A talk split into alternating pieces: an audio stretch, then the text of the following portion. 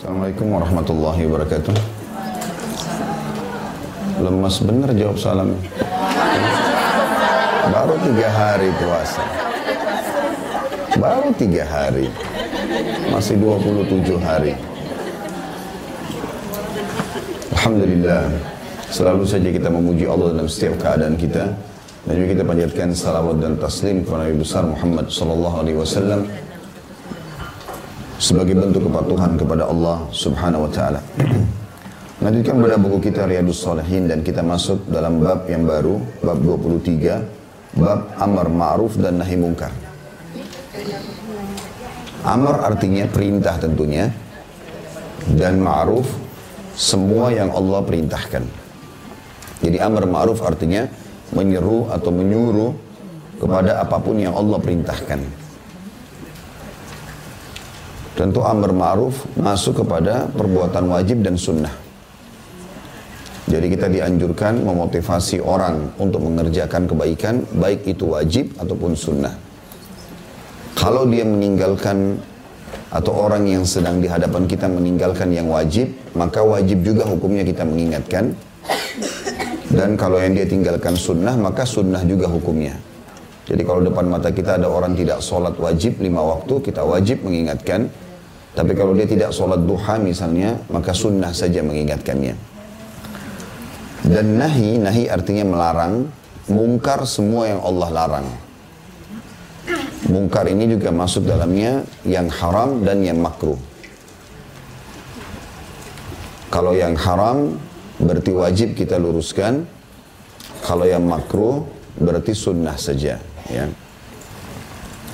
Ini adalah bagian daripada agama kita dan ciri khas umat Islam adalah mereka punya sifat amr ma'ruf dan nahi mungkar.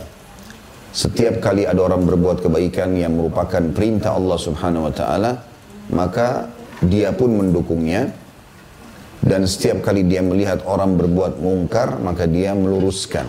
Ya. Tentu amr ma'ruf nahi mungkar ini punya adab-adab dan tata keramah ya. Yang pertama sekali yang harus diketahui adalah ikhlas karena Allah. Jadi bukan karena ingin dipuji oleh orang supaya amar ma'ruf nahi mungkarnya berpahala. Setiap ingatkan orang, setiap juga meluruskan kesalahan orang, maka berarti semua karena Allah supaya ada pahalanya. Yang kedua, adabnya amar ma'ruf nahi mungkar adalah harus si pelaku ini atau orang yang akan melakukan amar ma'ruf nahi mungkar memahami mana yang ma'ruf dan mana yang mungkar. Supaya dia bisa meluruskan. Memahami mana yang ma'ruf dan mana yang mungkar. Yang ketiga, adabnya adalah benar-benar ma'ruf di depan matanya telah ditinggalkan dan juga benar-benar mungkar telah dikerjakan. Baru kita bisa amar ma'ruf nahi mungkar. Jadi benar-benar depan mata ma'ruf itu misalnya sholat lima waktu. Memang depan mata kita lagi azan, kita sholat semuanya, satu-satu orang tidak. Lalu kita tanya, kenapa nggak sholat? Nah, misalnya kita luruskan kesalahan dia. Kemudian yang keempat, termasuk seorang praktisi. Kita sendiri praktek itu. Jadi jangan orang tidak sholat, eh sholat, sholat. Padahal dia sendiri nggak sholat. Misal. Atau dia melarang orang berbuat mungkar tapi dia sendiri melanggar itu. Sudah empat ya. Coba diulangi yang pertama apa? Ikhlaskan Allah. Yang kedua, harus memahami yang mana ma'ruf dan yang mana mungkar. Karena jangan sampai dia mau meluruskan ternyata yang orang lakukan sudah ma'ruf. Mungkin ada perselisihan pendapat ulama di situ misalnya. Yang ketiga, benar-benar melihat benar-benar ada ma'ruf yang ditinggalkan Ya. atau mungkar yang ditinggalkan. ya ada ma'ruf yang ditinggal ataupun mungkar yang dilakukan. Ya. Yang keempat, ya, praktisi. Jadi dia harus melakukan dulu yang ma'ruf itu, dan dia benar-benar meninggalkan mungkar itu, baru dia melakukan. Kalau tidak berat dosanya bagi dia. Tadinya cari pahala malah dapat dosa ya.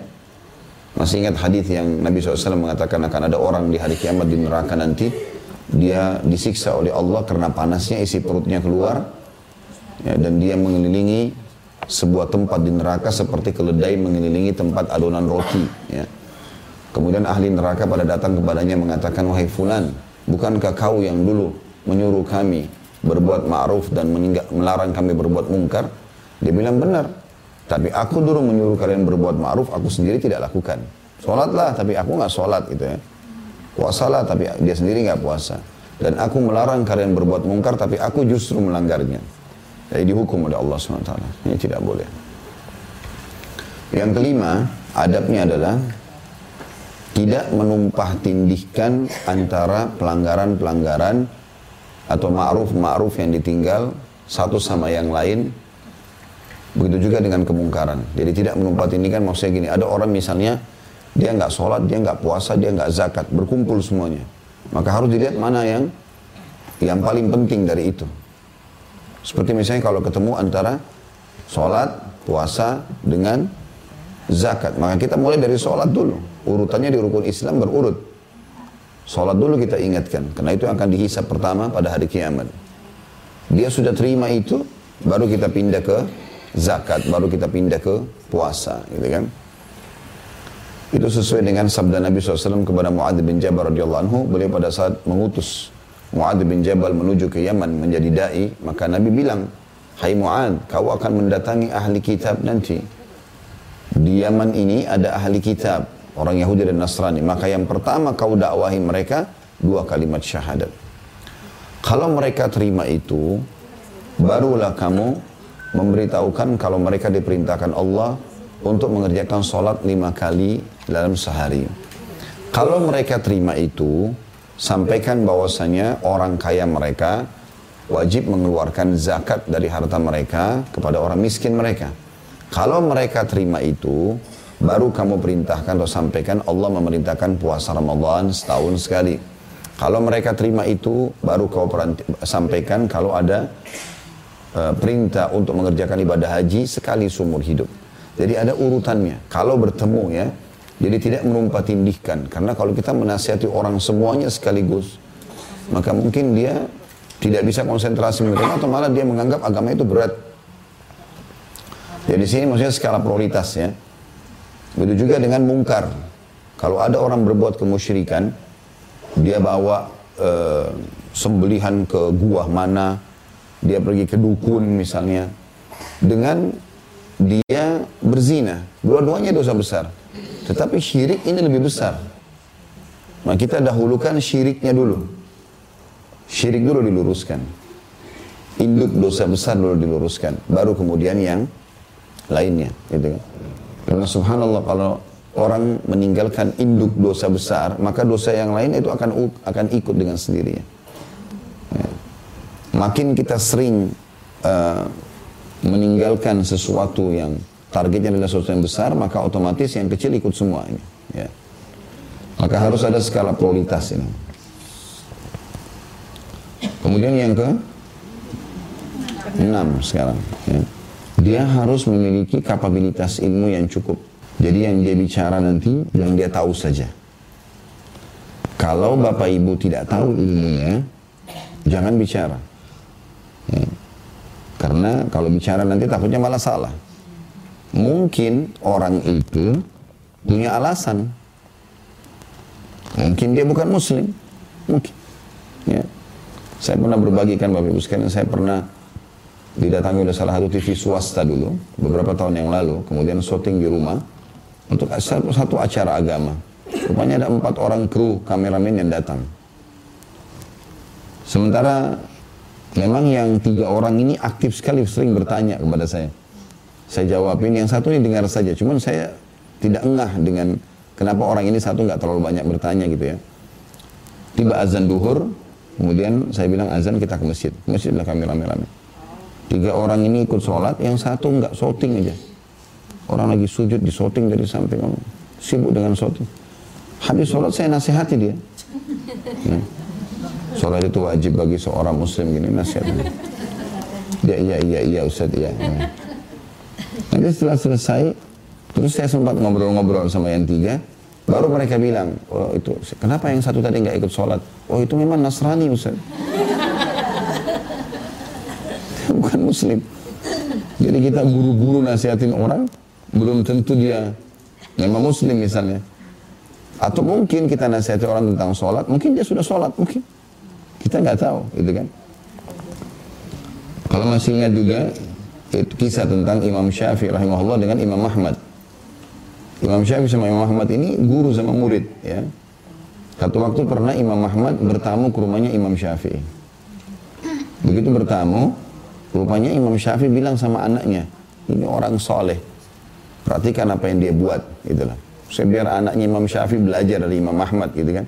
Karena Imam Ahmad, Imam, Imam Syafi'i sangat tahu Imam Ahmad ini. Sampai dia bilang, wahai Ahmad, engkau lebih faham daripada kami dalam ilmu hadis. Maka kalau sampai kepadamu sesuatu, sampaikanlah kepada kami. Padahal Imam Syafi'i gurunya gitu. Karena Imam Ahmad ini luar biasa dalam ilmu hadis.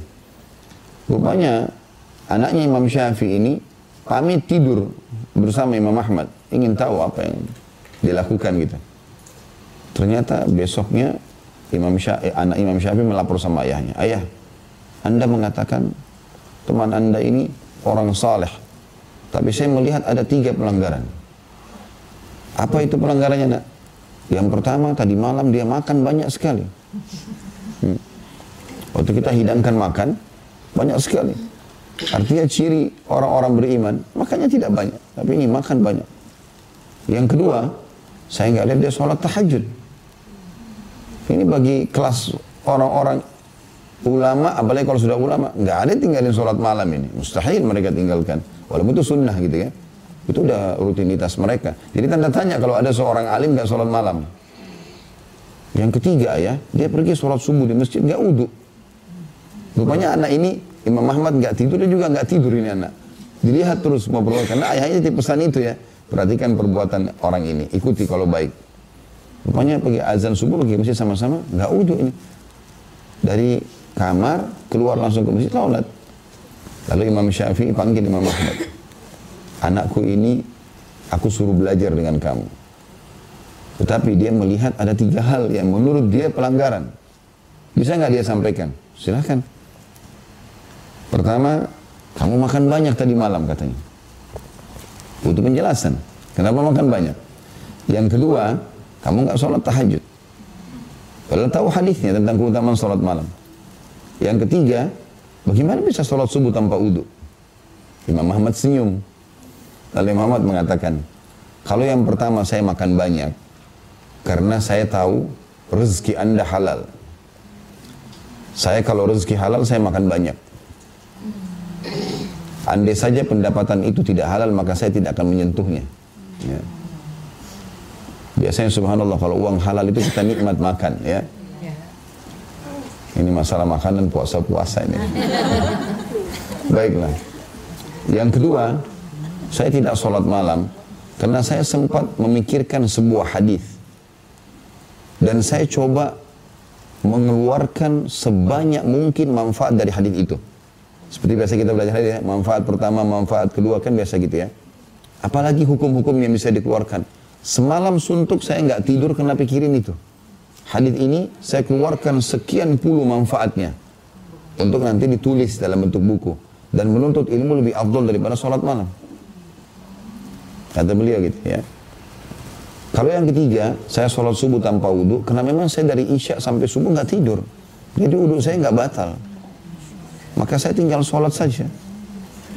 Akhirnya Imam Syafi'i balik ke anaknya, lihat jawabannya orang berilmu. Gitu. Artinya teman-teman sekalian, kita sebelum meluruskan orang, tahu dulu ini ya. Kita punya ilmu yang cukup, kita tahu itu betul-betul ya. Ma'ruf yang ditinggal, mungkar yang dikerjakan dan seterusnya. Yang ketujuh, melalui tahapan amar ma'ruf nahi mungkar. Ada tahapannya ya. Disebutkan dalam sebuah hadis yang masyhur ya. Siapa yang lihat kemungkaran maka dia mengingkiri dengan apa tahapan pertamanya? Hah? Kalau Bapak Ibu lihat orang berbuat salah, kita luruskan dengan cara apa dulu? Pakai apa? Masa nggak ada yang tahu? Tangan. Tangan dulu, kekuatan dulu. Siapa yang lihat kemungkaran maka dia harus luruskan dengan tangannya, maksudnya kekuatannya. Kayak orang tua pada anak, ya, atau suami pada istri, atau pemerintah pada masyarakatnya, gitu kan? Atau pemilik perusahaan dengan pegawainya. Misal, Bapak Ibu pemilik perusahaan lalu Bapak Ibu wajibkan semua pegawai harus sholat. Nah itu namanya dengan power ya. Jadi kalau uh, ada pegawai perempuan semua harus misalnya tutup aurat, kalau apalah, terapkan peraturan hukum agama. Tapi dengan power itu, kita punya power. Itu namanya tahapan pertama. Ya. Tahapan kedua, kata Nabi SAW, kalau tidak bisa dengan tangan, baru pindah dengan ke lisan. Baru nasihat, gitu kan. Kalau nggak bisa, maka dengan hati. Dan ini selemah-lemah iman. Dalam riwayat lain, dan tidak ada lagi iman yang lebih lemah daripada itu. Dan orang dengan hati tidak ada yang tidak bisa kan. Misalnya kita lagi lewat di pasar, banyak orang melanggar. Kita nggak mungkin berhenti nasehatin, kita nggak punya power, nggak kenal orangnya. Ya udah ya Allah berikan dia hidayah. Misal ya, itu sudah namanya amar ma'ruf nahi mungkar itu tahapannya. Jadi menerapkan ma'ruf ataupun melarang kemungkaran dengan tahapannya itu. Ya, tahapannya tadi dengan tangan, kalau nggak bisa baru dengan lisan, kalau nggak bisa baru dengan dengan hati. Ya. Itu semua adalah adab-adabnya dalam amar ma'ruf dan nahi mungkar. Baik kita akan masuk ke dalil pertama yang diangkat oleh Imam Nawawi rahimahullah adalah firman Allah dalam surah Al-Imran ayat 104 dan ini dalil tadi yang saya bilang di awal sekali saya ucapkan kalimat itu bahwasanya umat Islam memiliki ciri khas. Ciri khasnya adalah umat ini selalu menyuruh pada kebaikan, melarang dari kemungkaran. Allah berfirman, "A'udzu billahi minasyaitonir rajim, wal takum minkum ummatun yad'una ilal khair." Yad'una ilal khairi wa ya'muruna bil ma'ruf wa yanhauna 'anil munkar wa ulaika humul muflihun. Dan hendaklah di antara kalian ada segolongan orang yang menyeru kepada kebajikan, menyuruh berbuat yang ma'ruf dan mencegah dari yang mungkar. Mereka itulah orang-orang yang beruntung. Mana beruntung di dunia, mereka akan selamat, di akhirat juga mereka akan selamat. Kemudian juga dalam surah Al-Imran ayat 110 dari yang kedua, أعوذ بالله من الشيطان الرجيم كنتم خير أمة أخرجت للناس تأمرون بالمعروف وتنهون عن المنكر الآية. Kalian ini umat Islam adalah umat yang terbaik yang dilahirkan untuk manusia. Jadi dibandingkan semua manusia dari dulu sampai akhir waktu. Nabinya, Nabi Muhammad SAW yang paling afdal. Umatnya, umat kita yang paling afdal. Ya, umat Muhammad SAW ini. Apa sifatnya? Kenapa kita menjadi umat yang terbaik? Karena kalian menyuruh berbuat yang ma'ruf dan mencegah dari yang mungkar. Artinya bagian dari syariat kalian itu.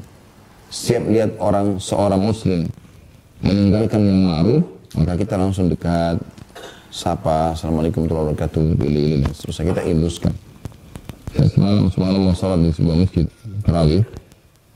Saya kebetulan sholat, di dekat tempat saya sholat itu, ada tempat wudhu, ada satu anak muda datang, dia buru-buru wudhu untuk mengejar sholat rupanya. Wudhunya itu bajunya belum digulung semua sehingga bagian siku nggak kena. Caranya juga nggak digulung sehingga mata kakinya nggak kena. Saya langsung ingatkan, sikunya harus kena. Ya. Mata kakinya harus kena. Nah kalau tidak percuma dia sholat nanti, kan batal. Karena ada batas minimal wudhu ya. Luruskan itu. Nah kita lihat depan mata sekarang. Kalau kita tunda, maka mungkin dia ikut sholat sebenarnya dia salah. Kalaupun dia tidak mau dengar, maka kita sudah dapat pahalanya dan kita lepas tanggung jawab hari kiamat. Karena kalau kita biarkan malah kita bertanggung jawab depan Allah di kiamat. Ada sebuah riwayat yang berbunyi kata Nabi SAW siapa yang lihat seseorang berbuat mungkar lalu dia tidak luruskan maka orang itu akan datang hari kiamat di hadapan Allah ya sambil berkata ya Allah orang ini lihat saya berbuat mungkar dia tidak ingatkan maka sekarang saya tuntut Lalu diambil pahala kita dikasih dia, padahal dia yang buat kemungkaran. Maka kita nggak ada alasan untuk tidak luruskan orang. Tetapi kan tadi saya bilang ada tahapannya juga ya. Kalau orang tidak bisa dengan sikapnya, dengan lisannya pun dengan hati. Ya Allah berikan hidayah. Paling paling tidak itu. Paling tidak itu. Ya. Dan ini dengan kiri dengan hati saja sudah dapat pahala. Sudah dapat pahala dan kita lepas tanggung jawab depan Allah SWT hari kiamat. Juga ada yang saya lupa tadi, poin penting juga. Kalau amar ma'ruf nahi munkar ini yang wajib itu yang pertama. Jadi misalnya ada orang tidak sholat, kita ingatkan nih. Yang pertama sekali kita ingatkan hukumnya wajib. Misal suami atau istri nggak sholat, kita ingatkan sholat itu hukumnya wajib gini-gini ya udahlah udah saya sudah tahu dan misalnya tapi dia nggak sholat ya udah kita lepas dari tanggung jawab hari kiamat dia udah tanggung dosa sendiri. Dan peringatan yang kedua untuk besok untuk lusa sudah sunnah hukumnya. Karena yang pertama yang wajib. Yang penting kita sudah pernah ingatkan gitu supaya kita lepas tanggung jawab tentu seorang muslim dan muslimah dia tidak pernah berhenti bosan untuk mendakwahi ya. Karena setiap kali dia ingatkan pahala lagi, pahala lagi. Mungkin nanti nasihat yang ke-10 baru anak kita atau suami atau istri mau sholat, mungkin. Jadi kita jangan putus asa. Nabi Nuh alaihissalam berdakwah, mendakwahi istri sama anaknya 950 tahun. Gitu kan. Dia tidak berhenti sampai Allah memang binasakan istri sama anaknya, gitu kan. Maka beliau terus jadikan itu sebagai ajang pahala. Makanya juga perlu digarisbawahi tentunya. Kemudian dalam surah Al-A'raf 199 ini dalil yang ketiga di awal pembukaan bab ini ya kalau kita belum masuk ke hadis ya kalau hadis punya nomor urut Al-A'raf 199 bunyinya billahi minasyaitonir rajim khudil afwa wa'mur bil urfi wa'arid 'anil jahilin jadilah pemaaf dan suruhlah orang mengerjakan yang ma'ruf serta berpalinglah dari orang-orang bodoh ya. ini perintah kepada setiap orang muslim yang semestinya menjadi sebuah pegangan hidup. Tidak boleh kita lalai dari masalah ini. Jadi pemaaf. Diperintahkan oleh Allah Subhanahu wa taala. Kalau ada orang buat salah, kalau kita memaafkan, itu ada nilainya tersendiri. Kita akan lepas dari penyakit hati, juga dengan kita memaafkan orang yang buat salah, maka kita akan dimaafkan kesalahan oleh Allah. Allah akan ampuni dosa-dosa kita dengan kita memaafkan orang lain. Juga suruhlah orang mengerjakan yang ma'ruf. Ingatkan. Sholat, sholat ya, sudah masuk sholat, waktu sholat. Misalnya. Apalah kita suruh orang pada mengerjakan kebaikan. Dan ini saya, saya, saya bilang di awal ya. Kalau ma'ruf itu sesuatu yang wajib, maka kita wajib juga serukan. Tapi kalau sunnah, berarti sunnah juga menyerukannya. Jadi misalnya sholat lima waktu, berarti wajib. Kita wajib ingatkan. Kalau orang tinggalkan. Kalau misalnya sholat duha, sholat terawih, sholat sunnah, maka itu sunnah juga kita mengingatkan. Berarti kalau yang wajib kita tidak ingatkan dan kita lihat, kita akan dituntut oleh Allah hari kiamat. Tapi kalau sunnah nggak dituntut. Bagaimana juga nahi mungkar. Mungkar kan tadi saya bilang masuk haram dan masuk makruh. Nah yang haram ini kita wajib ingatkan. Orang berzina depan mata, orang riba, orang apa ingatkan ini nggak boleh loh haram gini-gini. Sekali aja cukup. Selebihnya sudah terserah. Gitu kan. Kalau kita mau tambah pahala setiap kali ketemu, kita nasihatin lagi, bagus ya. Kalau enggak ya cukup dengan sekali itu. Tapi kalau yang makruh, hukumnya sunnah. Orang minum sambil berdiri, makan sambil berdiri, kan hukumnya makruh, bukan haram. Gitu kan? Maka di sini kita boleh ingatkan, boleh enggak. Kalau kita enggak ingatkan, kita enggak berdosa. Tapi kalau kita ingatkan, pahala. Ya, seperti itulah. Kemudian berpalinglah dari orang-orang bodoh karena Islam adalah agama kecerdasan. Kita selalu disuruh menggali ilmu. Allah subhanahu wa ta'ala menyuruh kita dalam banyak firmannya. Disuruh lihat ke langit, suruh lihat ke bumi, suruh lihat ke diri kita sendiri. Pelajari, pelajari. Allah suruh pelajari. Supaya kita tahu. Ya, semua ini ilmu-ilmu yang diberikan oleh Allah subhanahu wa ta'ala kepada kita untuk kita pelajari yang positifnya itu pun masih sebagian kecil dari ilmunya Allah Subhanahu wa taala. Makanya Nabi Khidir alaihissalam waktu ketemu dengan Musa alaihissalam gitu kan. Waktu mereka lagi di atas kapal, rupanya awal ilmu yang diambil oleh Musa dari Khidir pada saat ada burung gagak mampir di ujung kapal itu. Mampir di ujung kapal yang mereka sedang naik atau perahu, terus tiba-tiba ada ikan lewat oleh burung gagak itu dipatok Tapi cuma hitungan detik, sebentar dipatok terus angkat mulutnya. Dan ada beberapa tetes air yang sempat jatuh dari mulutnya burung gagak itu. Maka Khidir berkata, Hai Musa, sesungguhnya ilmuku dan ilmumu dibandingkan ilmunya Allah, seperti tetesan air di mulutnya burung gagak itu dibandingkan lautan yang luas ini. Jadi ilmu Allah sangat luas dan masih banyak yang kita tidak tahu. Masih banyak yang kita tidak tahu. Subhanallah saking luasnya ilmu-ilmu yang kita miliki ini sampai dalam satu bidang aja masih dipecah lagi dengan banyak cabang-cabangnya. Ya, spesialis-spesialis apa ya. Dokter misalnya penyakit dalam terpecah lagi penyakitnya apa khusus untuk ini, khusus untuk itu ada banyak. Itu pun sudah sangat banyak menyita waktu kalau kita mau pelajari. Ya, misalnya, maka seperti itulah. Ini teman-teman sekalian e, menandakan memang kita disuruh untuk pintar ya. Dan Islam sama sekali tidak setuju dengan sifat malas. Bahkan Nabi SAW berlindung darinya.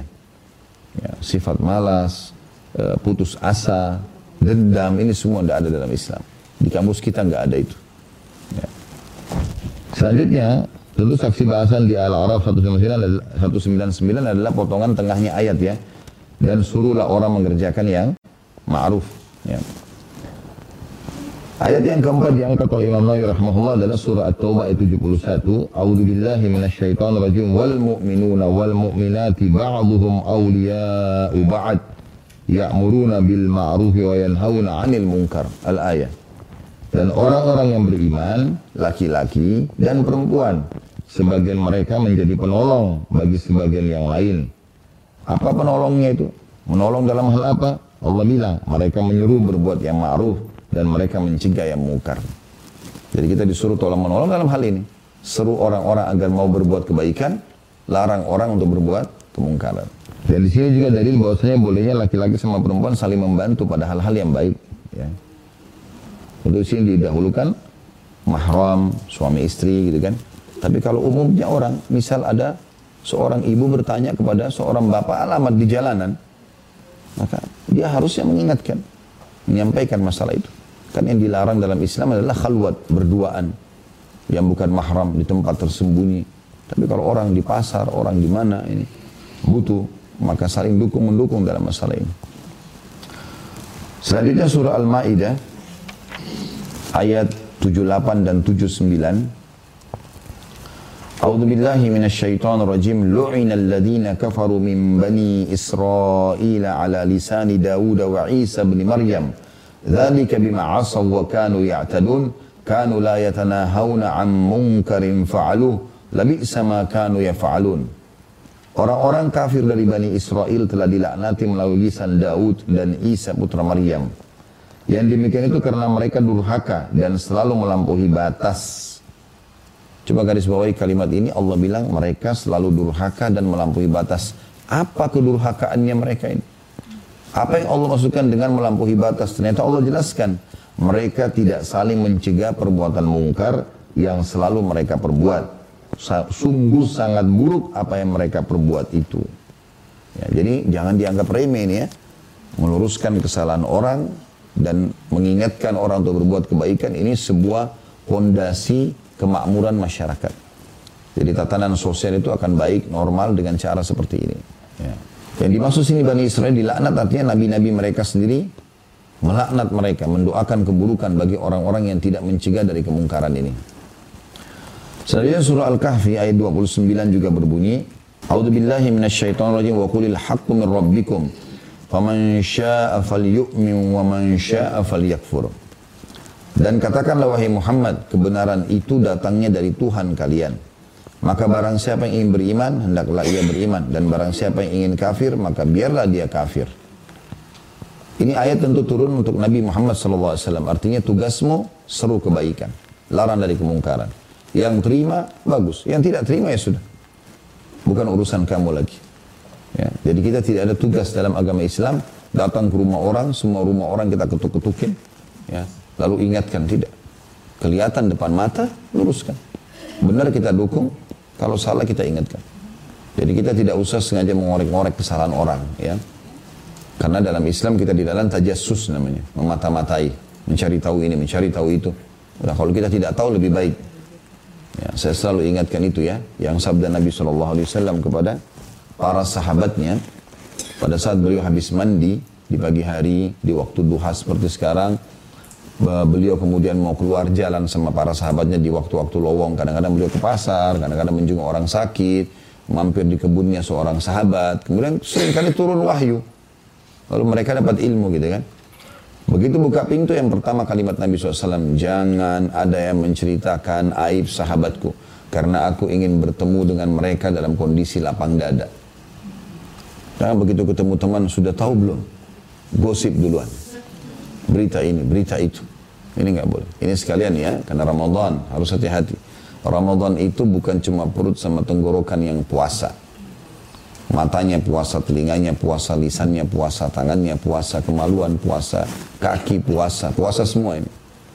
Karena kata Nabi SAW dalam hadis tentang keutamaan puasa Ramadan, agar bisa puasa ini, Ramadan atau puasa sunnah juga bisa ya, itu akan menjadi tameng dari api neraka. Bisa jadi jadi perisai. Kata Nabi SAW, as-sawmu junnah. Riwayat Imam Bukhari, puasa itu perisai.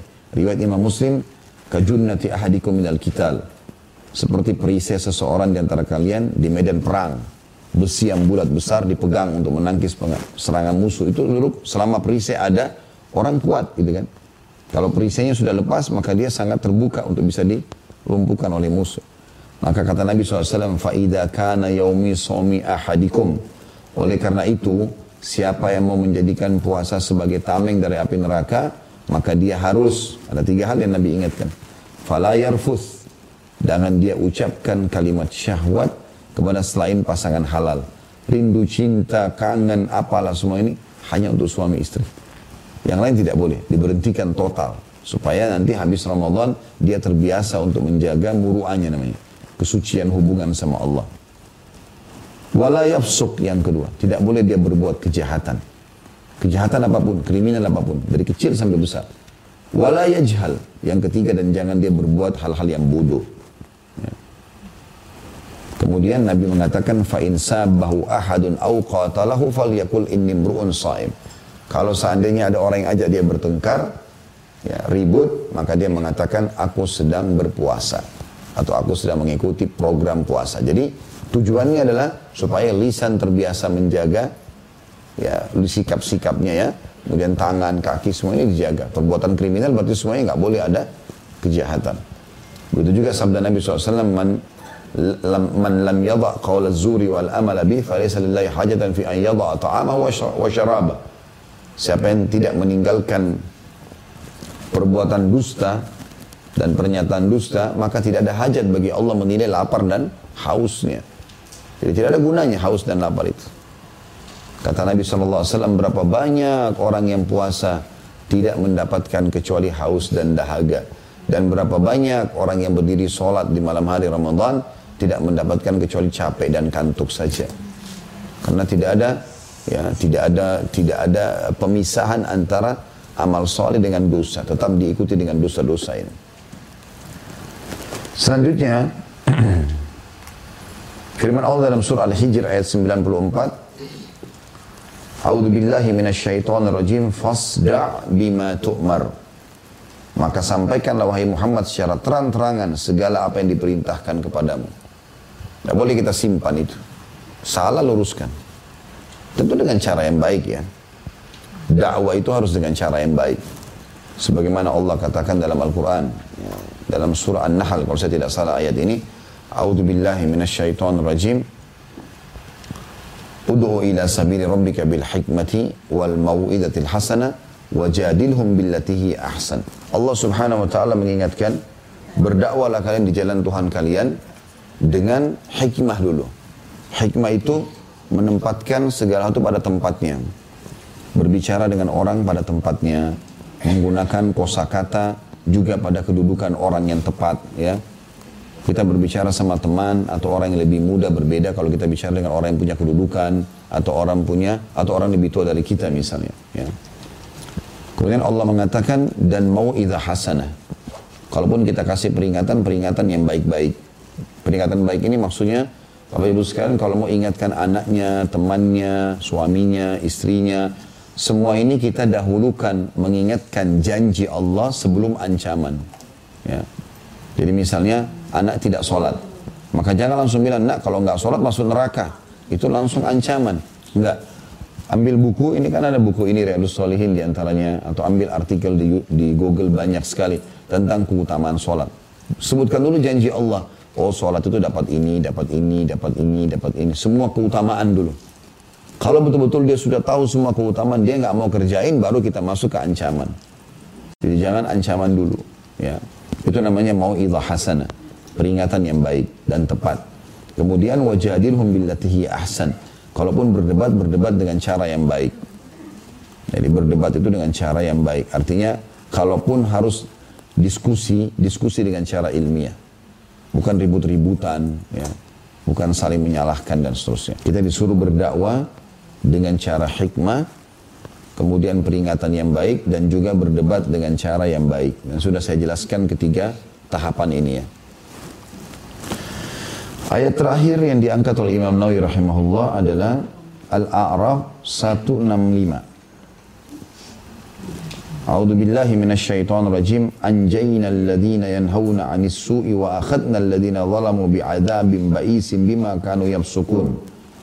Kami selamatkan orang-orang yang melarang orang berbuat jahat dan kami timpahkan kepada orang-orang zalim siksaan yang keras disebabkan mereka selalu berbuat fasik.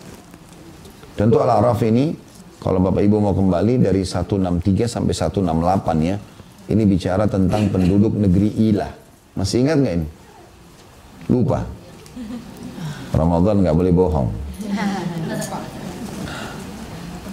Penduduk negeri Ilah yang ada di Palestina. Kisah tentang Ashabus Sabt. Orang yang mancing di hari Sabtu. Ya. Itu namanya negeri penduduk penduduk negeri Ilah. Nah itu cerita mereka di Al-Arab 163 sampai 168. Tapi di sini Imam Nawawi angkat 165-nya saja. Ya. Mereka pada saat itu kan tidak boleh mancing hari Sabtu. Tapi rupanya kelompok pertama ada yang tetap masang jala malam Sabtu, hari Sabtu tidak diambil, hari Ahad baru diambil. Mau nipu Allah nih. Kelompok kedua lurusin, nggak boleh loh, haram, Allah larang. Ini dua kelompok seperti biasa lah. Kalau ada orang buat salah, yang satu lurusin, yang satu ngotot gitu ya. Datang kelompok ketiga ini yang keliru ini. Kelompok ketiga ini dia bukan datang kepada kelompok pertama, gabung sama kedua, ayo kita lurusin yuk, salah. Enggak, dia malah tahan kelompok kedua. Udahlah, nggak usah nasehatin, biar aja masuk neraka sendiri. Dia nggak mau luruskan kesalahan, dia mau masuk surga sendiri. Maka pada saat Allah hancurkan, yang kena hukuman itu kelompok pertama sama kelompok ketiga. Yang kedua yang Allah selamatkan. Karena yang ketiga ini tidak luruskan kesalahan. Malah dia biarin aja deh. Mau sholat, gak sholat terserah. Gak, gak boleh. Kita bahas sebab ini untuk tahu itu ya. Kalau kemungkaran jelas depan mata, wajib. Kalau enggak kita dituntut oleh Allah. Gak bisa. Kita nggak boleh masuk surga sendiri. Tapi Allah kasih keringanan, ada tahapannya. Dengan lisan, eh, dengan dengan tangan. Kalau nggak bisa dengan lisan, kalau nggak bisa baru dengan hati. Ya, itu selama-lama iman gitu kan.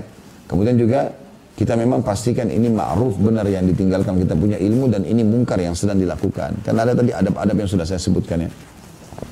Seperti itulah. Baik kita masuk ke hadis pertama, tentu beliau mengatakan ayat-ayat dalam masalah ini banyak dan terkenal sekali. Maksudnya sangat banyak ayat-ayat tentang amar ma'ruf nahi mungkar. Tapi ini pembukaannya. Karena buku kita adalah buku hadis, maka kita akan bahas masalah hadis, ya. Kita akan masuk hadis pertama dalam bab kita ini, di bab 23 ini, tentang bab amar ma'ruf nahi munkar dan hadis pertamanya nomor 189. Dari Abu Sa'id Al-Khudri radhiyallahu anhu beliau berkata, aku mendengar Rasulullah sallallahu alaihi wasallam bersabda, "Man ra'a minkum munkaran falyughayyirhu bi yadi, fa in lam yastati' fa bi lisani, fa in lam yastati' fa bi qalbi, wa dzalika adhaful iman." Hadis ini riwayat Imam Muslim atau hadis sahih. Barang siapa di antara kalian melihat satu kemungkaran. Garis bawahi kalimat melihat. Berarti dia tahu, ya. Dia lihat atau disampaikan kepadanya dari sumber yang pasti dia tahu. Misalnya ada suami istri menyampaikan anak kita tadi nggak sholat, dia percaya sama istri atau sama suaminya, maka anaknya dinasehati misalnya. atau seorang security di kantor, memang dia lihat ada satu pegawai pulang bawa apa gitu. Ya, kemudian dilaporkanlah ini gini dan dia tahu benar, seperti itulah maksudnya. Itu kalau kita sekaligus mengambil pelajaran dari hadis ini adalah dikasih garis bawahi poin pertama di situ melihat satu kemungkaran. Artinya untuk ya meluruskan kemungkaran harus melihatnya atau mengetahuinya secara pasti. Lalu lanjutan hadis maka hendaklah ia atau dia mengubahnya dengan tangannya. Ini di, tangan dikasih garis bawahi angka dua. Ya. Ini tahapan pertama dalam amar ma'ruf nahi mungkar. Tadi saya bilang tangan itu maknanya kekuatan, kedudukan. Ya. Pemimpin negara pada masyarakat dia terapkan seluruh masyarakat Indonesia yang muslim wajib puasa Ramadan. Kalau yang tidak dihukum. Nah gitu misalnya. Atau wajib sholat. Ditemukan kalau waktu sholat ada di jalan maka akan dihukum. Ya, seperti yang dilakukan oleh pemerintah Saudi kan begitu. Kalau waktu sholat itu hampir satu Saudi semuanya ada kelompok namanya ada uh, satu ke, apa namanya kementerian sendiri itu khusus amar ma'ruf nahi mungkar. Khusus mobilnya mereka ada logonya tuh tertulis Hai amir ma'ruf nahi mungkar. Ya. Memang itu kementerian sendiri setahu saya. Jadi dia kalau waktu sholat ada orangnya lewat pakai mikrofon besar tuh. Sholat, sholat, sholat. Semua di jalan-jalan, di pasar Diingatin sama dia. Saya pernah lewat satu kali di dekat mobil mereka lagi menuju masjid. Ada orang lagi duduk-duduk di tempat agak tinggi. Dia teriakin tuh. Itu yang di atas sana lagi duduk, turun sholat. Ya kalau enggak ditangkapin, dia punya hak nangkap. Jadi satu orangnya dia itu didampingi sama dua polisi. Polisi ikutin dia, tangkap orang ini, tangkap tidak mau sholat gitu. Dan mereka banyak sekali mereka lakukan di pasar-pasar Saudi itu, itu nggak bisa orang buat macam-macam itu. Jadi kalau misalnya misal ada orang iseng, perempuan laki-laki mau kenalan, biasanya mereka tulis nomor telepon, dilempar, dijatuhin. Misalnya si perempuan itu, nanti laki-lakinya datang ngambil misalnya. Itu mereka tahu betul itu di ujung-ujung pasar ada, ditangkapin. Kalau dia curiga, ditangkap sama dia. Kalau ketahuan ini bukan mahramnya, kalau masih gadis dipanggil orang tuanya. Ini anak kamu ini jalan berdua, nggak boleh gini-gini. Jadi berhenti. Jadi nggak ada lagi gitu, ketakutan mereka. Kalau ketahuan langsung. Kalau ketahuan sudah berumah tangga, dipanggil pasangannya, ini pasangan kau buat begini. Jadi dia malu. Itu di pasar-pasar itu. Jadi nggak ada orang di pasar itu jalan kecuali memang sama mahramnya, nggak berani mereka. Dari suami istri atau orang tua sama anak. Nggak ada pacar-pacaran segala macam gandeng. Oh kalau kita kan luar biasa. Ya, sudah seperti suami istri bahkan lebih parah daripada itu kadang-kadang di tempat umum. Ini kan bahaya, kemungkaran semua. Ya. Tapi seperti itu, itu contoh. Nah ini mereka lakukan itu. Mereka adakan pencarian tentang di mana dukun-dukun. Ditangkap semua dukun di Saudi. Tangkap semua. Jadi nggak ada lagi orang kena sihir. Ada, tapi tidak banyak. Karena tidak boleh ada praktek. Praktek ketahuan. Dan kalau ketangkap dukun lagi praktek, dipenggal langsung. Tangkap langsung. Kisos. Nggak ada main-main. Narkotika. Begitu semua. Ketangkap nih kantongan narkotika. Udah langsung. Lapor ke raja, tidak lama, seminggu sudah eksekusi. Diiklanin, malam Jumat, besok Jumat dipenggal, pemenggalan kepala, pengedar narkotika. Ya memang gitu. Jadi amar ma'ruf nahi mungkar itu kalau dihidupkan luar biasa, makmur sekali. Karena nggak ada lagi kejahatan, kita jalan di mana-mana aman. Bapak Ibu jalan di Saudi, di Mekah, di mana-mana jalan, jalan kaki sendiri jam 3 subuh. Tidak ada berani sentuh. Sentuh ini masalah. Mau ke mana dia? Di hampir setiap kota itu ada pos pemeriksaan polisi. Orang kalau dari kota lain masuk kota lain di Saudi itu, biasa kalau malam, udah malam dicek. Mekah Madinahnya dicek biasa orang. Ke kota Jeddah kadang-kadang ada pengecekan gitu. Tapi kalau dilihat bus, biasa kita cuma umroh, ini berarti ada bus. Biasa cuma satu kertas saja. Polisi tahan sebentar. Mana ini? Oh ini jemaah Indonesia, jumlahnya 50. Cek, sudah selesai jalan. Tapi kalau mobil, mobil berduaan laki-laki perempuan ditanya sama polisi itu. Di Saudi bahkan dilarang oleh pemerintahnya untuk menghitamkan kaca mobil.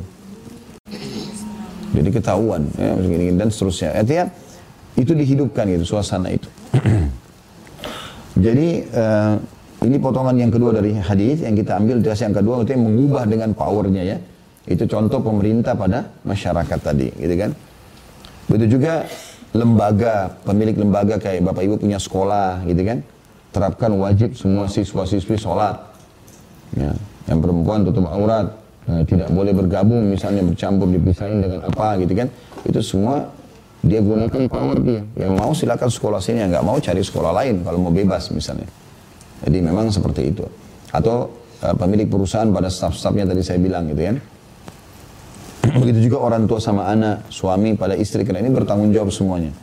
Kemudian selanjutnya potongan yang ketiga dari hadis, jika tidak sanggup, dia tidak punya power untuk bisa meluruskan, maka dengan lisannya, dan ini dikasih angka tiga, potongan ketiga maksudnya dari hadis ya.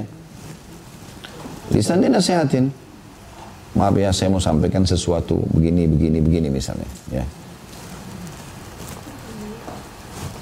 dan ini jangan dianggap remeh ya walaupun kita cuma bicara sebentar sama orang berapa banyak orang subhanallah dengan satu kalimat satu kisah sebuah hadis jadi sadar ya, banyak orang jadi baik gara-gara itu kita nggak pernah tahu ya kita nggak pernah tahu saya bolak-balik didatangi orang habis pengajian, Ustaz terima kasih ceramahnya saya dengar terus, saya berubah karena begini. Padahal saya datang cuma ngomong saja. Kita tidak tahu Allah SWT tanamkan dalam hati orang seperti apa. Tapi karena kita dengan menyampaikan dengan lisan ini, orang itu jadi baik, kita panen pahala dia. Kan bagus sekali. Ya, gitu. Apalagi Bapak Ibu sudah hadir di pengajian, sudah tahu, nasihatin orang. Dari siapa Ustaz? Dari orang terdekat dulu anak, suami, saudara, orang tua, dari orang terdekat aja dulu. Nanti Allah SWT akan berkahi itu. Maka dengan lisan. Kemudian kalau tidak sanggup juga, baru udah dia pindah, ini di garis bawahi kasih angka 4, ya, dengan hatinya. Dan itu adalah selemah-lemah iman, kata Nabi SAW. Kalau dari potongan akhir hadis ini, berarti Bapak Ibu sekalian kita ambil sebuah poin penting, tidak ada alasan untuk tidak amar ma'ruf nahi mungkar. Karena tidak ada yang tidak bisa dengan hatinya, ya. Maka harus minimal sekali dengan hati. Kita nggak mau dalam hati, tidak terima perbuatan ini.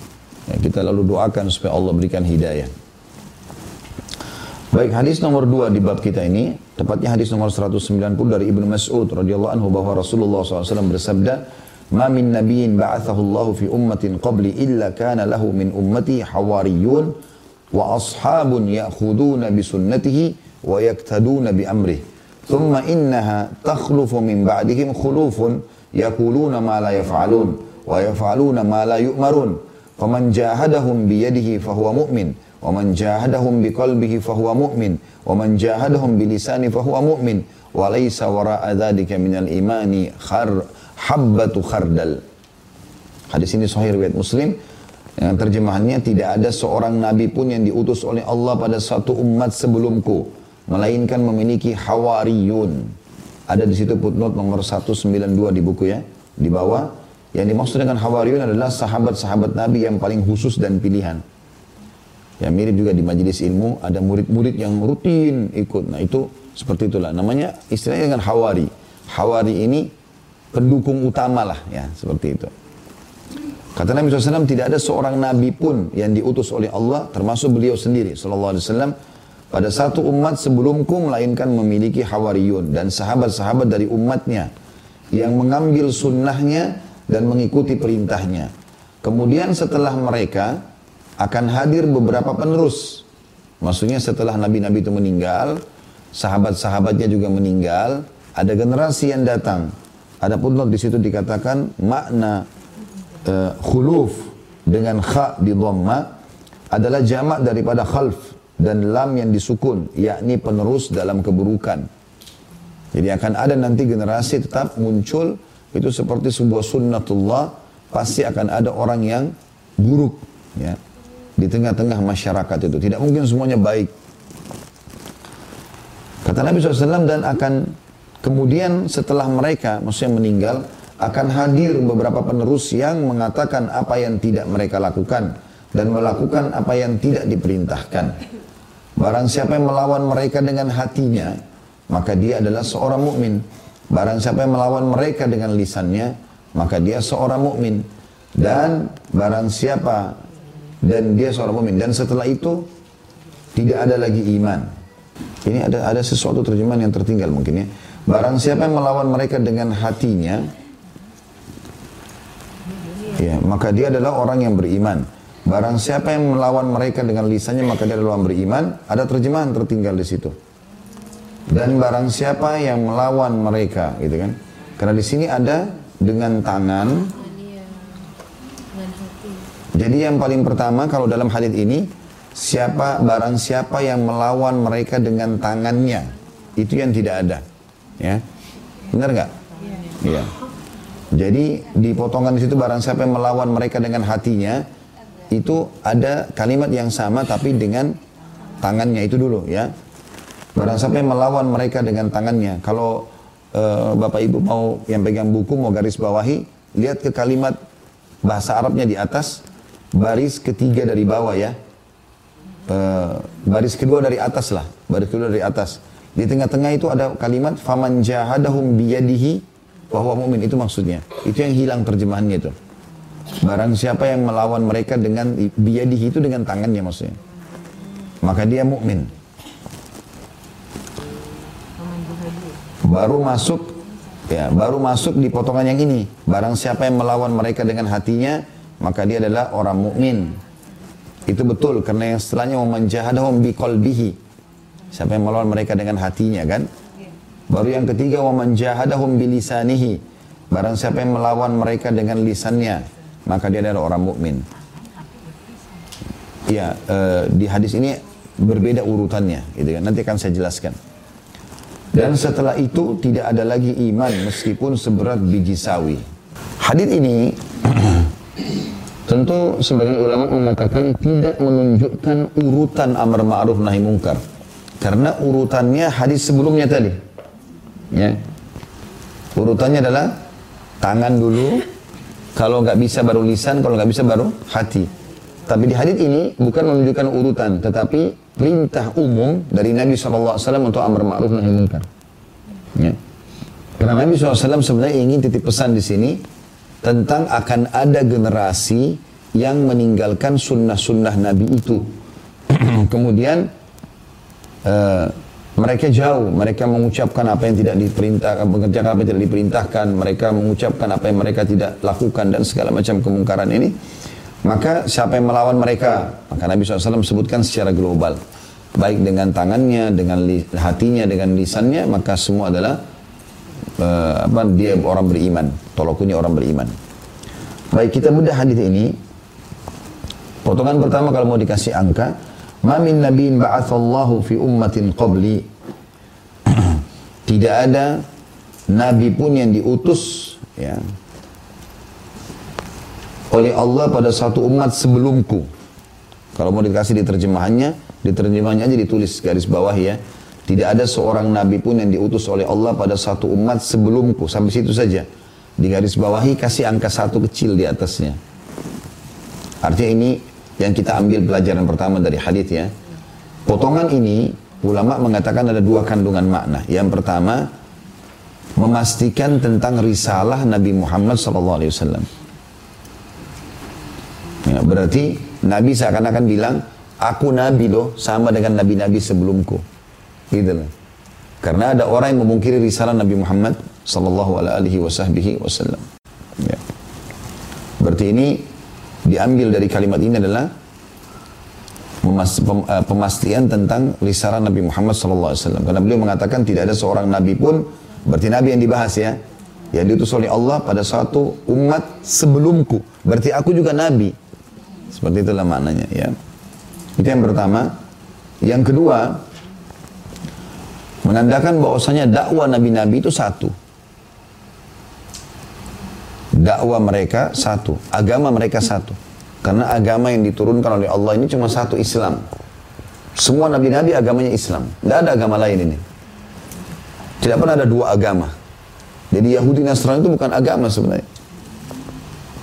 Bukan bukan bukan diistilahkan dengan agama karena agama cuma Islam. Allah kan bilang dalam Al-Qur'an inna dina innallahil Islam.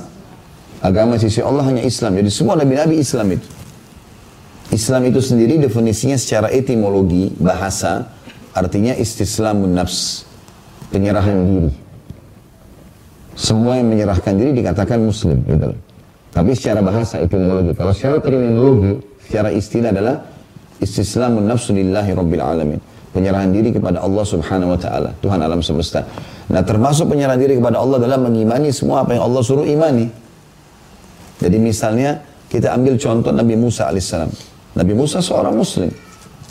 Dan umatnya yang beriman pada Nabi Musa pada saat itu. Beriman kepada Allah. Beriman pada Nabi Musa. Dan beriman pada semua risalah Nabi Musa namanya muslim. Berarti dia orang muslim. Gitu kan? Di saat itu yang beriman. Kemudian kalau datang Isa alaihissalam, siapa yang melanjutkan imannya, dia mengimani Nabi Isa alaihissalam, mengimani Allah, mengimani risalah Nabi Isa dan mengimani Nabi-Nabi sebelum Nabi Isa dan Nabi Muhammad yang akan disampaikan oleh yang akan datang nanti maka dikatakan Muslim. Sebenarnya istilah Muslim bagi mereka. Berubah status Muslim itu kapan ada penolakan terhadap Allah walaupun satu saja. Saya pindah kepada kita, Waktu Nabi Muhammad SAW datang, beliau juga seorang Rasul. Siapa yang mengimani Nabi Muhammad SAW, mengimani Allah yang di, diperintahkan untuk iman tentang keberadaannya, dan mengimani semua nabi-nabi sebelum Nabi Muhammad SAW, namanya Muslim. Kenapa kita dapat gelar Muslim? Kenapa Yahudi Nasrani nggak dapat gelar Muslim sekarang? Karena mereka masih menolak risalah Nabi. Ada Nabi yang mereka tolak, berarti belum full menyerahkan diri kepada Allah. Bisa ditangkap nggak? Ya, jadi tidak ada agama lain. Dan ini agama ini bukan agama baru. Dari zaman dulu, sama satu agama Allah turunkan. Cuma memang yang berbeda syariatnya. Hukum-hukum. Itu yang berbeda. Jadi ada yang berlaku halal di satu kaum Nabi, ada yang diharamkan di satu kaum yang lain. Kuasa Allah SWT, hikmahnya begitu. Seperti misalnya ghanimah, harta rampasan perang. Itu untuk sebelum kita, nggak boleh, haram. Nabi Muhammad SAW mengatakan dalam sebuah hadis sahih riwayat Bukhari, sesungguhnya ghanimah dihalalkan untukku dan diharamkan untuk nabi-nabi sebelumku. Jadi kalau nabi-nabi sebelum Nabi Muhammad SAW, kalau dapat pedang, perisai, apa saja di medan perang, itu dikumpulin, lalu nabinya berdoa, Allah turunkan petir dari langit dibakar-bakar. Tidak ada yang bisa diambil. Tapi Nabi SAW dihalalkan buat beliau ghanimah. Umat Muhammad berbeda. Jadi ada yang diharamkan di umat yang lain tapi dihalalkan yang lain. Tapi induk judul agamanya Islam. Paham nggak? Cuma syariatnya beda-beda. Seperti itulah. Ada yang standar haram semua. Dari awal Nabi Adam sampai sampai Muhammad SAW. Seperti perzinahan, membunuh, minum khamar, durhaka sama orang tua. Ini induk semua. Ini nggak ada perubahan. Nggak ada perubahan. Yang berubah itu hanya beberapa hukum. Tapi semua ada standar. Makanya semua nabi-nabi memerintahkan hal yang sama. Kata Nabi Muhammad SAW, perumpamaan aku dengan nabi-nabi yang lain, ya itu seperti satu bangunan. Orang-orang pada keliling semua, melihat bangunan ini kok mewah sekali, bagus ya. Dan tertinggal satu batu bata saja. Dan mereka mengatakan, andai saja batu bata ini dilengkapkan, sempurnalah bangunan ini. Kata Nabi SAW, akulah satu batu bata itu. Artinya bukan baru agama ini. Ini melengkapi saja. Semuanya sama. Makanya orang yang mengikuti agama Nasrani yang benar, masuk Islam itu. Kalau dia ikutin Injil yang benar, masuk Islam. Karena dia tahu ini lanjutannya. Nggak bisa dipisah. Cuma memang sampai Nabi Muhammad SAW sudah nggak ada lagi Nabi. Ditutup sudah. Makanya beliau mengatakan, sesungguhnya aku adalah penutup para Nabi dan Rasul. Nggak ada lagi Nabi dan Rasul setelahku. Beliau mengatakan dalam hadis lain akan keluar 50 pendusta, dajjal. Semuanya mengaku nabi. Ketahuilah, aku adalah penutup nabi dan rasul. Ya lagi nabi dan rasul setelahku. Jadi tidak ada agama baru. Agama cuma satu. Tidak ada berubah-berubah. Keliru kalau orang menganggap Yahudi, Nasrani itu agama, nanti akhirnya dianggap itu juga ajaran sendiri. Enggak. Orang Yahudi kalau dia ngikutin ajaran yang benar, masuk Islam itu. Semestinya ya. Makanya waktu masuk Islamnya uh, Khuwairik, pendeta Yahudi yang mati syahid di perang Uhud. Kemudian masuk Islamnya Abdullah bin Salam. Ini ini orang Yahudi, pendeta Yahudi masuk Islam. Ini semua masuk Islam karena tahu benar dan mereka sebelum masuk Islam bilang sama kaumnya. Waktu mau perang Uhud, itu Khuwairik, pendeta Yahudi. Dia dengar umat Islam menyuruhkan, Wahai muslimin, Rasulullah memerintahkan kita jihad, musuh sudah mau tiba di Uhud. Khuwairik dengar nih, dia naik di atas menara di benteng Yahudi, dia teriak, Wahai Yahudi, Demi Allah kalian tahu Muhammad adalah Rasul. Demi Allah kalian tahu Muhammad adalah Rasul. Kalian tahu dalam Taurat dan kalian kenal betul siapa dia. Sekarang beriman kesempatan disuruh jihad. Ini terbunuh mati syahid masuk surga. Apa jawaban orang-orang Yahudi? Enggak, kami enggak mau. Karena dia bukan dari Bani Israel. Bohong ini, dusta. Orang Nabi Isa aja dari dari Bani Israel yang mau salib Nabi Isa adalah orang Yahudi. Yang mau bunuh nabinya sendiri. Nabi Yahya itu dibunuh di tangannya Bani Israel, kaumnya sendiri. Maka Khuairik bilang, bertakwalah kepada Allah, berimanlah. Gak ada yang mau. Kalau kalian tidak mau beriman, kalian tahu dalam Taurat, ada ayat, kata Khuairik, ada ayat yang memerintahkan kita kalau ada nabi di satu wilayah, memerintahkan jihad, kita wajib ikut. Kan di zaman Nabi Musa alaihissalam, kan ada nabi-nabi yang sezaman. Seperti Nabi Musa sama Nabi Khidir kan sezaman. Jadi dalam salah satu ajaran Taurat itu, kalau Nabi Khidir serukan jihad, pengikut Nabi Musa bisa ke sana ikut. Gitu loh. Kalian tahu itu? Enggak, ini kan hari Sabtu. Karena kan Uhud perang hari Sabtu. Hari Sabtu hari hari suci bagi kami. Enggak mau perang. Bohong ini aja, enggak mau. Khuairik bilang kalau kalian tidak mau saya berlepas diri. Saya sudah sampaikan. Dia turun dari menara itu, dia ke masjid syahadat sama Nabi SAW. Masuk Islam dia. Dia ikuti benar ajaran masuk Islam. Setelah masuk Islam dia ikut jihad. Subhanallah terbunuh. Kan uh, Uhud itu terjadi habis waktu duha. Kayak kita sekarang ini. Belum duhur, peperangan sudah selesai. Mati syahid termasuk Huwairik ini. Nabi SAW waktu lihat jenazahnya bilang, siapa yang mau lihat penghuni surga yang belum pernah sujud sekalipun, lihat orang ini. Dia ikuti itu. Jadi kalau orang ikuti ajarannya yang benar, masuk Islam dia. Kenapa agama tidak ada Saya pernah lihat seorang profesor Yahudi di Israel, dia ungkapin sendiri itu. Hampir diterjemahkan. Dalam bahasa Indonesia saya pernah lihat ada teks terjemahannya itu. Saya lupa namanya profesor siapa. Dia bilang, sebenarnya tidak ada agama. Agama yang benar agama Islam. Orang Yahudi itu bilang. Nggak ada agama. Ini agama ini satu semua, nggak ada bedanya. Semua nabi-nabi. Cuma memang hukum-hukumnya yang berubah gitu ya. Dan kalau sudah turun satu kitab membawa syariat baru, maka berarti syariat sebelumnya dihapus. Nah di sini kita perlu juga tambahkan informasi tentang perbedaan Nabi sama Rasul. Allah mengutus 124 ribu nabi, gitu kan? Di antaranya 313 rasul. Bedakan jauhnya ya, 124 ribu sama 313. 124 ribu, banyak sekali, gitu kan? Nabi-nabi itu. Allah alam, mungkin Indonesia pernah sampai, Allah kita tidak tahu. Tapi di antaranya yang ditunjuk jadi rasul cuma 313. Loh, apa bedanya? Kenapa rasul sedikit? Maka ini yang membedakan di sini ya. Kalau Nabi kata para ulama adalah orang yang Allah tunjuk menyampaikan wahyu Allah hanya mengingatkan kaumnya apa yang disampaikan oleh Nabi dan Rasul sebelumnya. Tidak mau syariat baru. Dia cuma bilang, itu dulu, misalnya ini si anak Nabi, ayahnya Nabi juga, ya kan? Kan Nabi Yusuf, Nabi Yakub kan ayah sama anak. Gitu. Nah ini uh, ayah saya pernah sampaikan begini dan begitu, ya. Atau Nabi sebelumnya menyampaikan begini, dia tidak bawa syariat baru.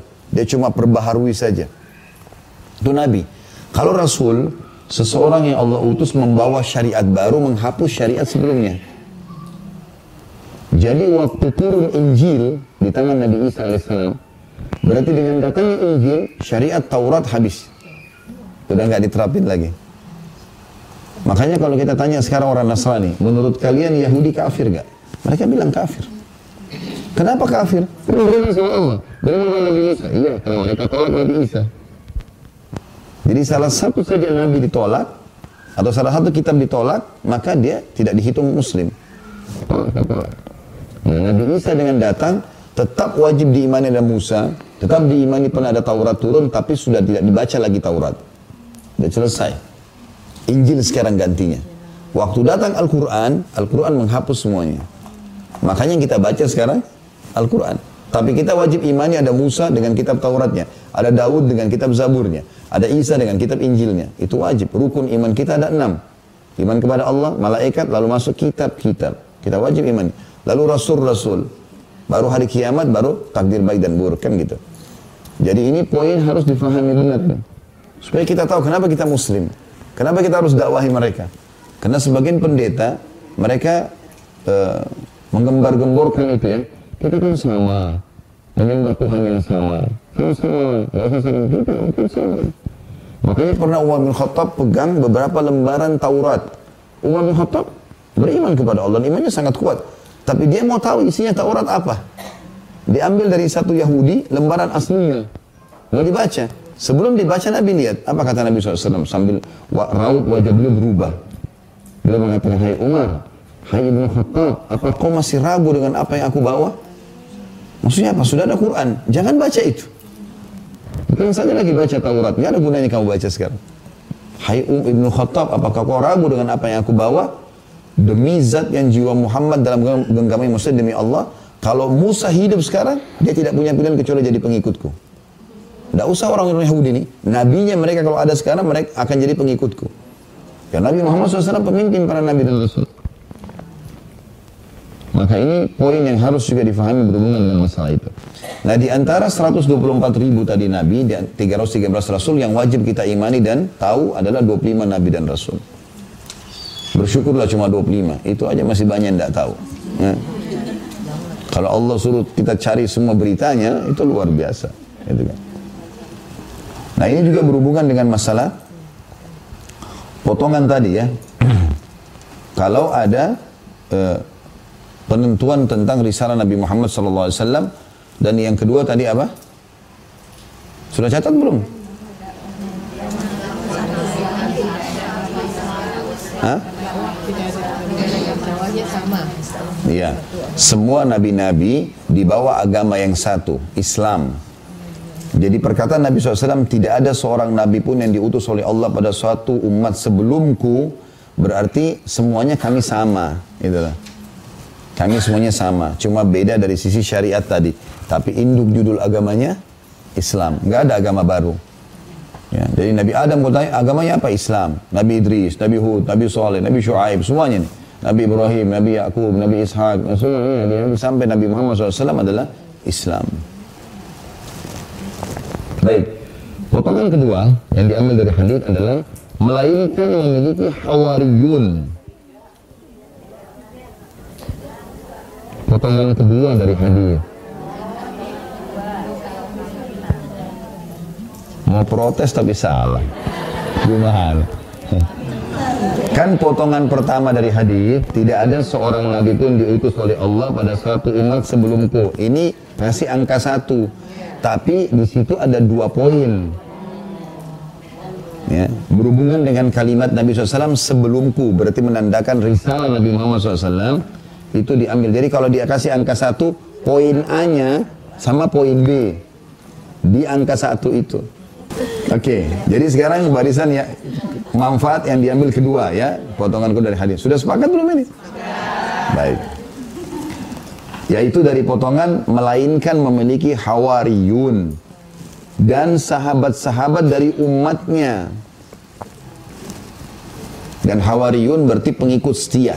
Di sini ada sebuah pertanyaan kecil Bapak Ibu sekalian. Kenapa Nabi alaihissalatu wassalam menyebutkan hawariyun dan sahabat-sahabat? Apakah bisa difahami bahwasanya tidak semua sahabat masuk dalam hawari? Kalau hawari, hawari itu pejuang fanatiknya luar biasa. Pokoknya Nabi bilang apa? Iya. Nabi bilang serang, serang. Nabi bilang bunuh, bunuh. Nggak ada negosiasi. Itu namanya hawari. Ya, yang jadi militan, pengikut yang militan. Baik. Memang di sini ulama mengatakan ada bedanya. Hawari sama sahabat ada bedanya. Semua hawari pasti sahabat. Tidak semua sahabat itu hawari. Ya. Tidak semua sahabat hawari. Jadi misalnya Bapak Ibu punya teman nih, teman dekat ya. Pasti ada di antara teman kita yang orang itu yang satu luar biasa. Kita apa saja, iya. Mau ajak ke mana pun dia mau. Ada yang lain enggak? Masih nolak-nolak. Tapi sahabat. Seperti itulah. Jadi yang selalu fanatik ini istilahnya hawari. Semua hawari pasti sahabat. Tapi tidak semua sahabat itu hawari. Ya? Nah ini bisa kita lihat di dalam salah, satu ayat Al-Quran ya. Allah SWT menyuruh sebagian Bani Israel. Kalau saya tidak salah dalam surah Saf ya. Coba dilihat surah Saf. Ayat terakhirnya. Saya bacakan ya. A'udzu billahi minasyaitonir rajim. Ya ayyuhalladzina amanu kunu ansarallahi kama qala Isa bin Maryam lil hawariyin. Garis bawah kalimat itu ya. Kama qala Isa bin Maryam lil hawariyin man ansari ila Allah. Qala al hawariyun. Lihat kalimat hawari ya. Qala al hawariyun nahnu ansarullah. فآمنت طائفة من بني إسرائيل وكفرت طائفة فأيدنا الذين آمنوا على عدوهم فأصبحوا ظاهرين Ya ayat terakhir, 14 ayat kok ini. Ya. Ini termasuk surah yang saya rekomendasikan untuk dihafal ya. 14 ayat, tidak panjang ini. Dan ayat-ayat sebelum dan susunnya juga pendek-pendek, 14, 15 ayat ya. Hai orang-orang beriman, jadilah kamu penolong agama Allah sebagaimana Isa putra Maryam atau ibnu Maryam telah berkata kepada pengikut-pengikutnya yang setia, Hawari, yang fanatik nih, ya. Siapakah yang akan menjadi penolong-penolongku untuk menegakkan agama Allah? Maka pengikut-pengikut setia itu berkata, kamilah penolong-penolong agama Allah. Lalu sebagian dari Bani Israel beriman dan sebagian lagi kafir. Maka kami berikan kekuatan kepada orang-orang yang beriman terhadap musuh-musuh mereka, lalu mereka menjadi orang-orang yang menang. Jadi ternyata ada orang yang beriman pada Nabi Isa AS pada saat itu, tapi nggak mau jadi ikut berperang, nggak mau ikut berperang. Ya. Mereka bukan hawari. Ya. Makanya waktu Nabi SAW juga uh, begitu keluar seseorang Yahudi dari benteng Khaybar, pernah saya ceritakan itu tingginya mendekati pohon kurma dua setengah meter. Ya. Tinggi sekali orang itu. Sampai Nabi SAW waktu lihat Nabi mengatakan apakah kalian dia mengira tingginya sekian sekian ya seperti pohon kurma tingginya. Lalu kemudian dia menantang duel umat Islam. Lalu keluarlah Zubair bin Awam radhiyallahu anhu, sepupu Nabi SAW. Ibunya Zubair namanya Sofia, ini tantenya Nabi. Ya. Maka Zubair pun keluar lalu melawan dia. Tentu kisahnya cukup panjang. Bapak Ibu kalau mau ikut di kajian sirah saya ada di Youtube tentang perang Khaybar. Saya ceritakan panjang lebar bagaimana Zubair membunuh orang itu. Jadi Zubair membiarkan dia memporsir tenaganya, memukul ke sana, memukul sini. Zubair tidak melawan. Sampai sudah lemas baru dibunuh oleh Zubair. Gitu kan. Waktu Zubair berhasil membunuh orang itu dan ini orang terkuatnya Yahudi, maka muslimin semua bersorak-sorak takbir. Karena ini orang kayaknya nggak mungkin dibunuh. Badannya kekar, besar. Ini kadang-kadang mungkin kalau orang tebasannya juga tidak kuat, cuma melukai saja sedikit karena badannya besar. Maka setelah orang itu berhasil dibunuh oleh Zubair radhiyallahu anhu, Nabi SAW mengatakan, Inna likulli nabiyyin hawari wa inna hawariyya Zubair bin Awam. Semua nabi-nabi punya pengikut-pengikut setia yang fanatik luar biasa, siap hidup mati untuk nabinya dan salah satu hawariku adalah Zubair bin Awam. Jadi ini kayak bodyguard khusus gitu. Jadi ada orang-orang begitu subhanallah. Ada orang yang ikut muslim iya, sebagai muslim ya, muslim muslim ya. Tapi kalau sudah diajak, ayo jihad. Siapa yang mau nih? Ayo infak. Siapa yang infak nih? Nah yang keluar ikut. Ini oh panggilan agama nih. Langsung dia datang, ini hawari namanya. Istilahnya dengan hawari. Jadi memang orang-orang yang fanatik luar biasa. Pokoknya agama Islam saya cintai seluruh hati saya. Apa yang dikatakan ayat A, B, ya B. Gitu lah. Itu istilah dengan hawari. Makanya di sini ada dipisahkan. Melahirkan memiliki hawari dan sahabat-sahabat. Karena saya bilang tadi, semua hawari pasti sahabat, tapi tidak semua sahabat itu hawari itu. Ya. Dikatakan dari umatnya di sini, maksudnya adalah dari pengikutnya tentunya. Kemudian potongan yang ketiga dari hadis yang mengambil sunnahnya dan mengikuti perintahnya. Ciri daripada istilah hawari, sifatnya hawari itu dan sahabat adalah mengikuti sunnahnya dan menjalankan perintahnya. Jadi subhanallah semua sahabat Nabi Ridwanullah alaihim umumnya itu ya mereka begini. Mereka sangat fanatik dengan Nabi SAW. Mereka menjalankan sunnah-sunnah Nabi SAW. Kemudian mereka mengikuti perintahnya. Tentu ini bisa dinilai pada saat orang itu menjadi sahabat Nabi dan meninggal dalam keadaan sahabat itu ya, iman itu. Karena ada orang yang beriman kepada Nabi SAW tapi dia tidak ya, tidak meninggal dalam keadaan Islam. Dia cuma awal-awal saja masuk Islam. Setelah itu sudah. Kalau masih ingat pernah saya sampaikan kisah yang Abu Hurairah duduk dengan seorang Ansar dan satu lagi ada satu lagi orang. Subhanallah karena hmm, apa orang ini pernah saya sebutkan dan saya pernah hafal namun terlupa, sering terlupa. Tapi orang ini salah satu yang duduk bersama Abu Hurairah dan satu orang Ansar. Semuanya penuntut ilmu nih, semuanya penuntut ilmu. Sampai Nabi SAW bilang, lewat di depan mereka bertiga, akan ada salah seorang dari kalian nanti, ya itu akan menjadi penghuni neraka sampai badannya hampir memenuhi neraka. Lalu Nabi lewat. Rupanya tiga orang ini nggak ada yang nanya Nabi. Siapa di antara kami nggak ada yang nanya. Tapi Abu Hurairah bilang, aku terus was-was. Karena kedua orang di sebelahku ini orang alim-alim semua. Yang satu hafal Quran, yang dua-duanya hafal Quran dan dua-duanya ini orang suka nuntut ilmu. Berjalan waktu rupanya si Ansar ikut perang mati syahid. Berarti tinggal aku sama orang ini saja berdua. Dan orang ini menuntut ilmu dari Ubay bin Ka'ab Al-Quran. Dan Nabi SAW bilang ambil Al-Quran dari empat orang. Dan kayaknya Ubay. Diambil Quran dari situ. Dia jadi sampai di, cukup untuk menjadi da'i. Cukup untuk menjadi da'i. Karena ilmunya sudah luas. Sampai Nabi SAW utus dia ke salah satu suku. Ya. Suku Huza'ah pada saat itu. Uh, atau Bani Hanifah ya tepatnya ya. Itu untuk mendakwahi mereka. Tapi di sana muncul Nabi palsu namanya Musailim al-Kadzab. Musailimah pendusta. Maka datanglah orang ini dari Nabi SAW datang ke sana. Belum masuk di, di wilayah Bani Salama ini atau Bani Hanifah ini.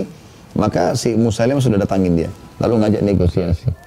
Bagaimana kalau saya ya, Bagaimana kalau kita negosiasi untuk masukkan uh, kamu bisa masuk uh, ke kota ini, tapi kamu mengatakan aku juga nabi sebagaimana Muhammad nabi. Dan dia setuju.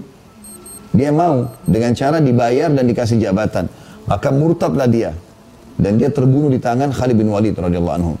Nah ini orang pada jadi sahabat tapi tidak meninggal dalam keadaan Islam. Makanya tidak disediakan khawari. Karena di sini dikatakan mengambil sunnahnya dan mengikuti perintahnya. Masuk dalam makna mengambil sunnah dan mengikuti perintah adalah menerapkan dalam hidup dan mengajarkan. Itu maknanya ya. Itu potongan ketiga. Kemudian potongan keempat, kemudian setelah mereka akan hadir beberapa penerus. Nah, ini di garis potongan empat, penerus maksudnya adalah anak-anak mereka, keturunan-keturunan mereka. Ya. Dan ini maksudnya adalah uh, ada poin penting yang harus digarisbawahi sini tentang pentingnya mendidik anak. Jadi tidak cukup kita sendiri. Bapak Ibu kalau sudah tahu agama, ajarkan kepada anak-anak. Jangan kitanya tahu agama, anak-anak dibiarkan. Ini nggak boleh, ya.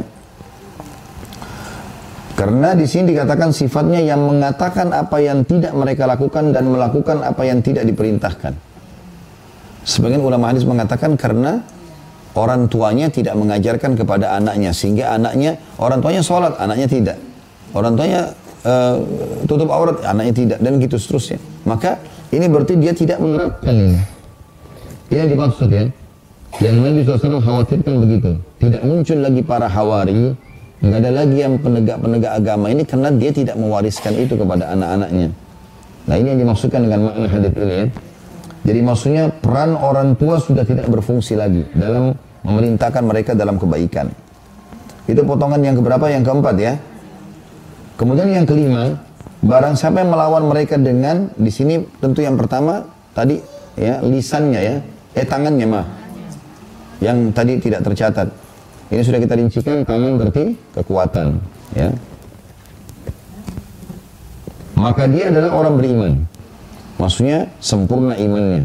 Siapa yang lihat kemungkaran dia luruskan sempurna imannya. Siapa yang melihat ma'ruf dia dukung sempurna imannya.